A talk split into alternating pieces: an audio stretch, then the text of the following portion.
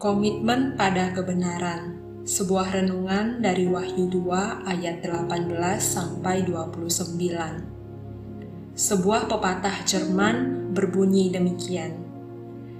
A half truth is a whole lie. Setengah kebenaran adalah kebohongan utuh.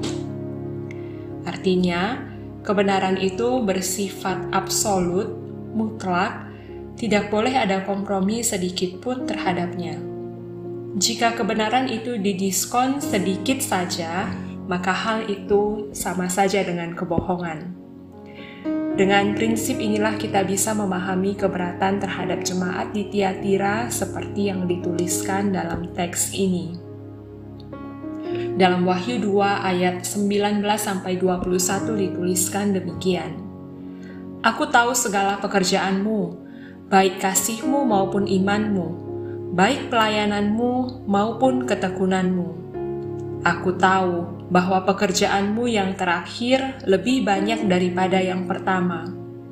Tetapi aku mencela engkau, karena engkau membiarkan wanita Isabel yang menyebut dirinya nabiah, mengajar, dan menyesatkan hamba-hambaku supaya berbuat zina dan makan persembahan-persembahan berhala dan aku telah memberikan dia waktu untuk bertobat, tetapi dia tidak mau bertobat dari zinahnya.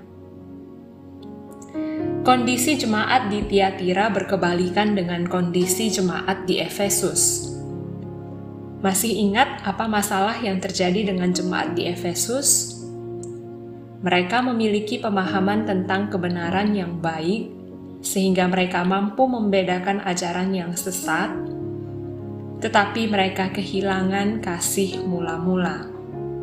Sebaliknya, jemaat di Tiatira memiliki kasih dan iman yang terlihat dari pelayanan dan ketekunan mereka yang baik. Buah pekerjaan mereka juga dikatakan lebih baik dari yang dulu pernah mereka lakukan. Namun sayangnya, jemaat Tiatira membiarkan wanita Isabel mengajar dan menyesatkan para pengikut Kristus. Isabel adalah istri dari Raja Ahab yang diceritakan di Perjanjian Lama. Dia terkenal sebagai seorang wanita yang jahat yang membuat bangsa Israel perlahan-lahan jatuh pada penyembahan dewa Baal dan penyembahan roh, bahkan ilmu sihir. Wanita Isabel dalam teks Wahyu ini dimaksudkan sebagai sebutan bagi nabiah palsu yang juga menyeret pengikut Kristus untuk jatuh pada pengajaran yang tidak benar. Nabiah palsu itu menipu umat Allah dengan mengajarkan setengah kebenaran, hanya untuk mendapatkan uang dan kekuasaan. Celakanya, jemaat di Tiatira melakukan kompromi, sehingga mereka jatuh ke dalam dosa. Melalui surat ini, Tuhan mengingatkan jemaat di Tiatira untuk bertobat Allah yang menguji hati dan batin manusia itu akan membalaskan setiap orang menurut perbuatan mereka jika mereka terus-menerus hidup dalam penyembahan berhala tersebut. Sebaliknya, Tuhan memberikan janji kepada mereka yang hidup taat dalam kebenaran.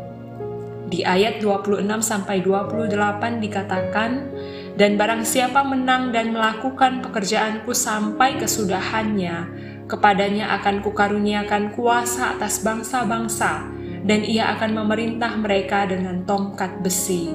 Mereka akan diremukkan seperti tembikar tukang periuk, sama seperti yang kuterima dari Bapakku, dan kepadanya akan kukaruniakan bintang timur. Tongkat besi adalah alat yang biasanya digunakan oleh gembala untuk menghalau pemangsa yang akan membahayakan domba-dombanya.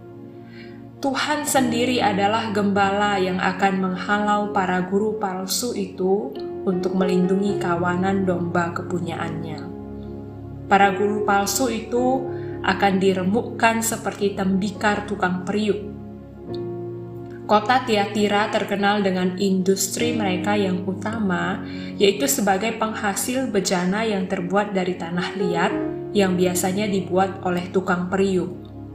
Jika ada bejana yang salah diproduksi, maka bejana itu akan dihancurkan menjadi serpihan-serpihan. demikianlah para guru palsu penyesat ini akan mendapatkan penghakiman dan penghukuman dari Tuhan. Selain itu, orang yang tetap bertahan dan berkomitmen penuh pada kebenaran Kristus akan diberikan bintang timur. Artinya, Tuhan akan memberikan kuasa dan otoritas kepada mereka karena Ia hadir bersama mereka. Setelah membahas masalah yang terjadi di Efesus, Pergamus, dan Tiatira, seharusnya kita bisa mendapatkan sebuah pesan yang jelas. Tuhan menginginkan umatnya hidup dalam kebenaran yang mendalam, yaitu hidup di dalam kasihnya dan juga memiliki komitmen penuh pada kebenarannya. Jemaat di Efesus mempraktekkan kebenaran tanpa kasih.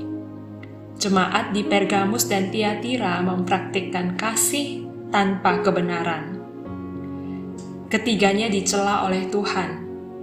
Ia menginginkan kita untuk hidup bukan hanya dalam kasih, tetapi juga menghidupi kebenaran itu seutuhnya. Teman-teman, kita mungkin sudah memiliki banyak pengetahuan tentang kebenaran Kristus. Kita tahu hal apa yang merupakan dosa dan tidak dikehendaki oleh Tuhan. Namun, dalam prakteknya, mungkin saja kita sering kali melakukan kompromi terhadap kebenaran itu. Ah, menyontek sedikit-sedikit gak apa-apa kok. Ah, bohong-bohong dikit gak apa-apa kok Tuhan menginginkan kebenaran yang dilakukan dengan utuh tanpa kompromi. Kiranya kuasa dari Roh Kudus yang telah diberikan kepada kita sebagai anak-anak Allah memampukan kita untuk menang terhadap pencobaan dan menolong kita untuk hidup terus berkomitmen pada kebenaran dan kasihnya. Amin.